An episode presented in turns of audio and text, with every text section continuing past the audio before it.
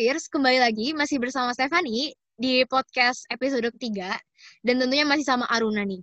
Nah, kalau tadi di part 1 gue bakalan nge-highlight, gue udah nge-highlight mengenai perjalanan Aruna keliling dunia dan gimana cara dia mempersiapkan hal-hal tersebut. Sekarang di part 2, gue penasaran nih sama pengalaman kerjanya Aruna selain uh, part-time dia saat di Australia.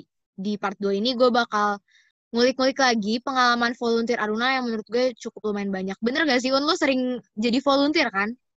Coba mungkin Betul. bisa diceritain.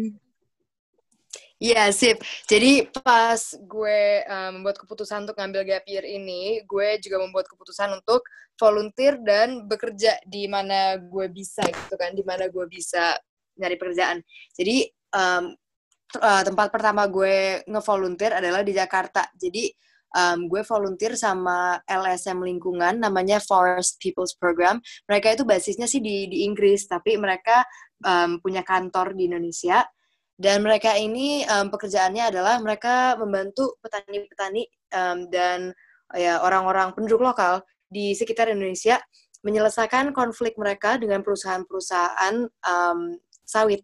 Jadi ada banyak kasus di Indonesia di, uh, di mana perusahaan-perusahaan sawit ini me memperlakukan penduduk di sana dengan cara-cara yang tidak adil. Misalnya um, tanahnya penduduk ini tuh diambil dengan cara yang tidak adil atau disogok atau di eh lain-lain lah banyak macam-macam deh konfliknya. Pokoknya nggak adil lah ya, karena banyak sengketa tanah nggak sih Indonesia antara warga mm -hmm. lokal sama sama perusahaan. Betul, betul. Dan kadang-kadang surat-surat uh, surat-surat ya, itu enggak itu dia.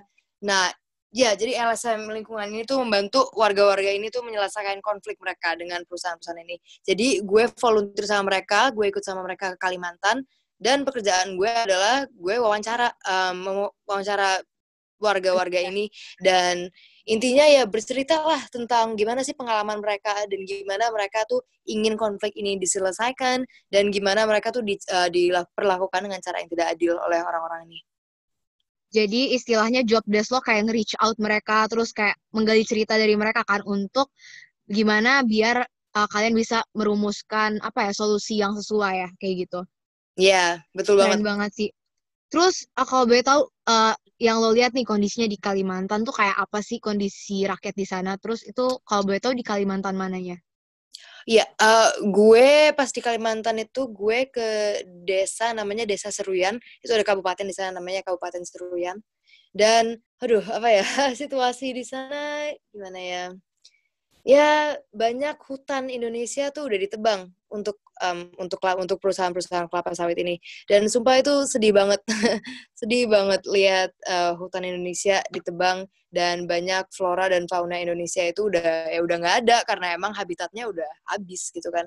Dan juga kalau lo pengen uh, diskusikan tentang um, situasi warga-warga di sana banyak yang bener-bener tuh ditipu sama perusahaan-perusahaan sawit ini. Misalnya mereka tuh dibilang, oh iya, uh, kalau lu ngasih uh, jual tanah lu ke, ke kita, lu akan dapat sebagian gitu kan. Dan itu hmm. kadang um, banyak kasus bahwa itu tuh emang ya ya warga-warga ini ditipu lah intinya duit itu intinya tuh kontraknya tuh ya kontraknya kayak nggak jelas gak sih karena betul, warga betul. di sana juga menurut gue mungkin ed, kurang edukasi kurang teredukasi. Jadi mereka kayak dia gampang aja kan untuk kayak membuat kontrak tapi nggak jelas sebenarnya kontraknya kayak gitu.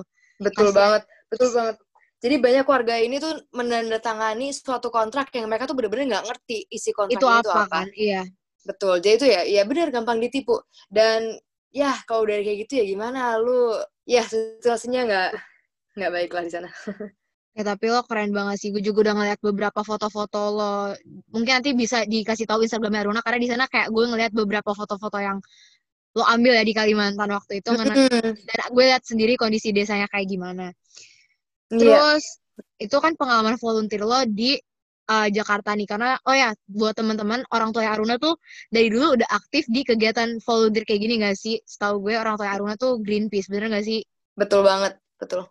Jadi mungkin Aruna emang juga udah terinspirasi sama orang tuanya dari dia kecil udah ngeliat kegiatan volunteer kayak gitu. Terus uh, gue pengen nanya nih kalau itu kan asumsi gue lo ngeliat orang tua lo volunteer makanya lo pengen volunteer. Tapi emang bener kayak gitu? Atau mungkin lo ada alasan lain? Uh, itu nggak lu bener sih itu bener emang um, alasan iya gue dari kecil gue emang pengen banget uh, jadi kayak orang tua gue. Gue pengen banget membantu orang lain. Dan menurut gue um, ya gue nggak akan puas gitu dengan pekerjaan gue kalau gue nggak merasa bahwa pekerjaannya itu membantu orang lain. Dan menurut gue ini adalah salah satu hal yang penting banget di dalam uh, untuk generasi kita adalah untuk um, bekerja di dalam area yang membantu lingkungan dan juga membantu orang-orang ya orang-orang lokal dan bukan orang-orang yang punya duit gitulah. Dan apa um, be, ya agar orang-orang ini tuh di, diperlakukan dengan cara yang adil. Gila keren banget sih. Berarti prinsip lo adalah ya lo nggak akan puas sebelum lo bisa apa ya memanusiakan manusia yang lain mungkin. Kayak gitu kan. Betul, betul banget. Terus uh, menurut lo peran orang tua lo gimana sih sama keputusan-keputusan lo buat volunteer atau mungkin buat jalan-jalan tadi yang sebelumnya apakah orang tua lo kayak setuju-setuju aja atau mereka juga ngasih saran ke lo? Orang tua gue suportif banget dan mereka selalu ngasih saran ke gue. Jadi karena orang tua gue emang dari dulu kerjanya di LSM dan dari dulu jalan-jalan, mereka punya banyak uh, punya apa berhubungan dengan banyak orang di mana-mana yang udah yang memang kerja di LSM dan mungkin emang lagi nyari apa um, volunteer atau kayak kayak gitulah dan mereka iya dari dulu emang ngasih saran ke gue dan juga benar-benar membantu gue untuk nyari orang-orang ini. Jadi lo mencari linknya tuh dari ya dari orang tua lo ya mengenai apa lowongan buat job ini. Terus ya. um, boleh gue boleh tahu gak sih isu apa yang apa ya menjadi konsentrasi lo kayak isu apa yang membuat lo tertarik untuk volunteer kayak misalnya lingkungan, kemanusiaan mungkin atau feminisme atau apa? Um, untuk gue sendiri lingkungan pasti lingkungan. Menurut gue perubahan iklim itu adalah um, masalah yang paling menekankan untuk generasi kita dan masalah yang generasi kita harus uh, memecahkan.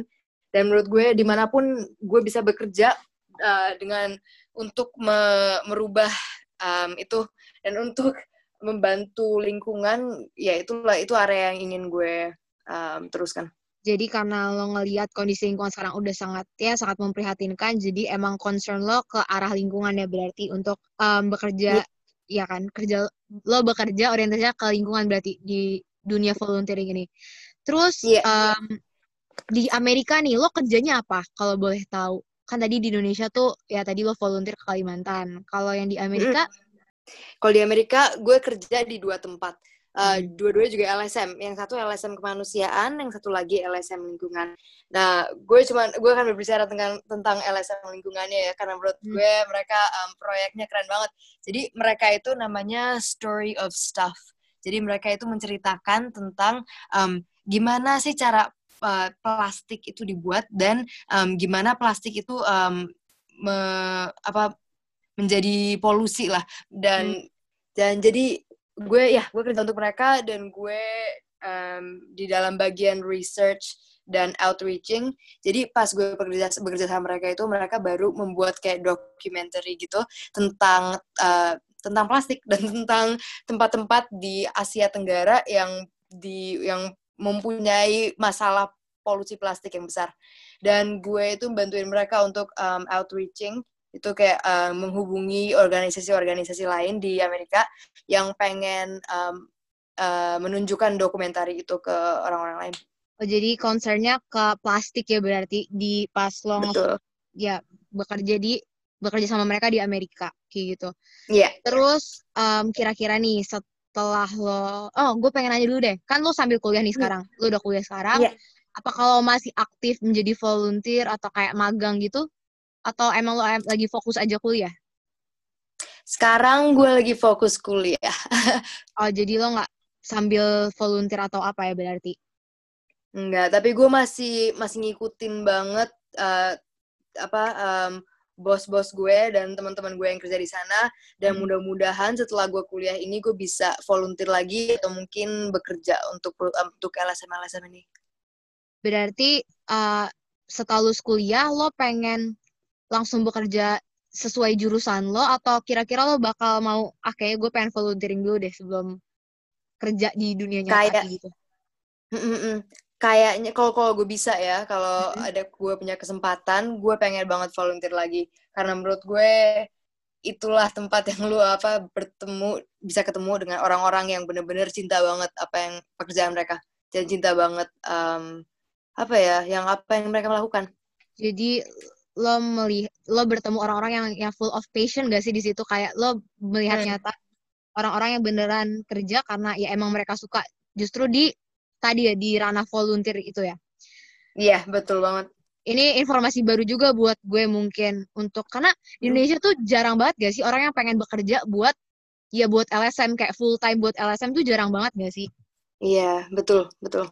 Nah terus oke kayaknya gue langsung nanya aja nih hmm? personal opinion lo mengenai uh, pengalaman lo menjadi volunteer kira-kira apa yang pengen lo sampein ke para pendengar mungkin mengenai pengalaman-pengalaman lo bekerja tadi Um, pengalaman gue kerja sebagai volunteer tuh positif banget. Bener, gue merekomendasikan volunteering untuk semua orang. Ini tuh, ya, yang kayak gue sampaikan tadi, lu bener-bener ketemu sama orang-orang yang cinta banget sama pekerjaan mereka dan bener-bener peduli banget sama apa yang mereka kerjakan. Dan menurut gue itu tuh sangat, uh, itu lebih jarang di dalam pekerjaan-pekerjaan, um, misalnya lu menerusin pekerjaan di dalam jurus, jurusan lo itu, menurut gue itu akan lebih jarang lo akan ketemu orang-orang yang benar-benar cinta sama pekerjaan mereka dan menurut gue itu penting banget di dalam um, lingkungan LSM dan di dalam terserah lo mau volunteer sama siapa gitu tapi menurut gue itu benar-benar lo menemukan orang-orang yang sangat menarik. Ya luar biasa banget sharing yang gue apa sesi sharing kita kali ini. Karena gue banyak banget mendapat pengetahuan baru dari lo Un. Thank you banget udah mau gue undang ke PR Podcast. Semoga kuliah lo lancar dan semoga rencana-rencana lo berjalan dengan lancar, lo sehat selalu. Pokoknya ya aduh makasih banget. deh. Makasih banget lo Un. Makasih dan kalau ada yang pengen mau nanya apa pun apa Iya, um, oh ya nanya ke Aruna nih kalau misalnya ada yang pengen nanya-nanya mengenai bahasan iya. hari ini, bisa tanya ke mana tuh? Instagram. Instagram. Instagram, message aja DM DM gue. Username lo apa nih? Aruna underscore Anderson. Pasti gue jawab. Hmm, nanti oh bisa juga di search tuh Instagram Aruna di Per Podcast. Soalnya Per Podcast follow Aruna. Jadi nanti masa kalian dengar bisa follow. Terus kalau mau tanya-tanya Aruna siap menjawab. Kayak gitu Pierce oke jadi kayaknya segitu dulu ya pertemuan kita di episode 3 kali ini. Saksikan terus PR Podcast. Setiap hari Jumat bakalan update episode terbaru. Dan ya semangat semuanya. Share the story. Enjoy the journey. Bye bye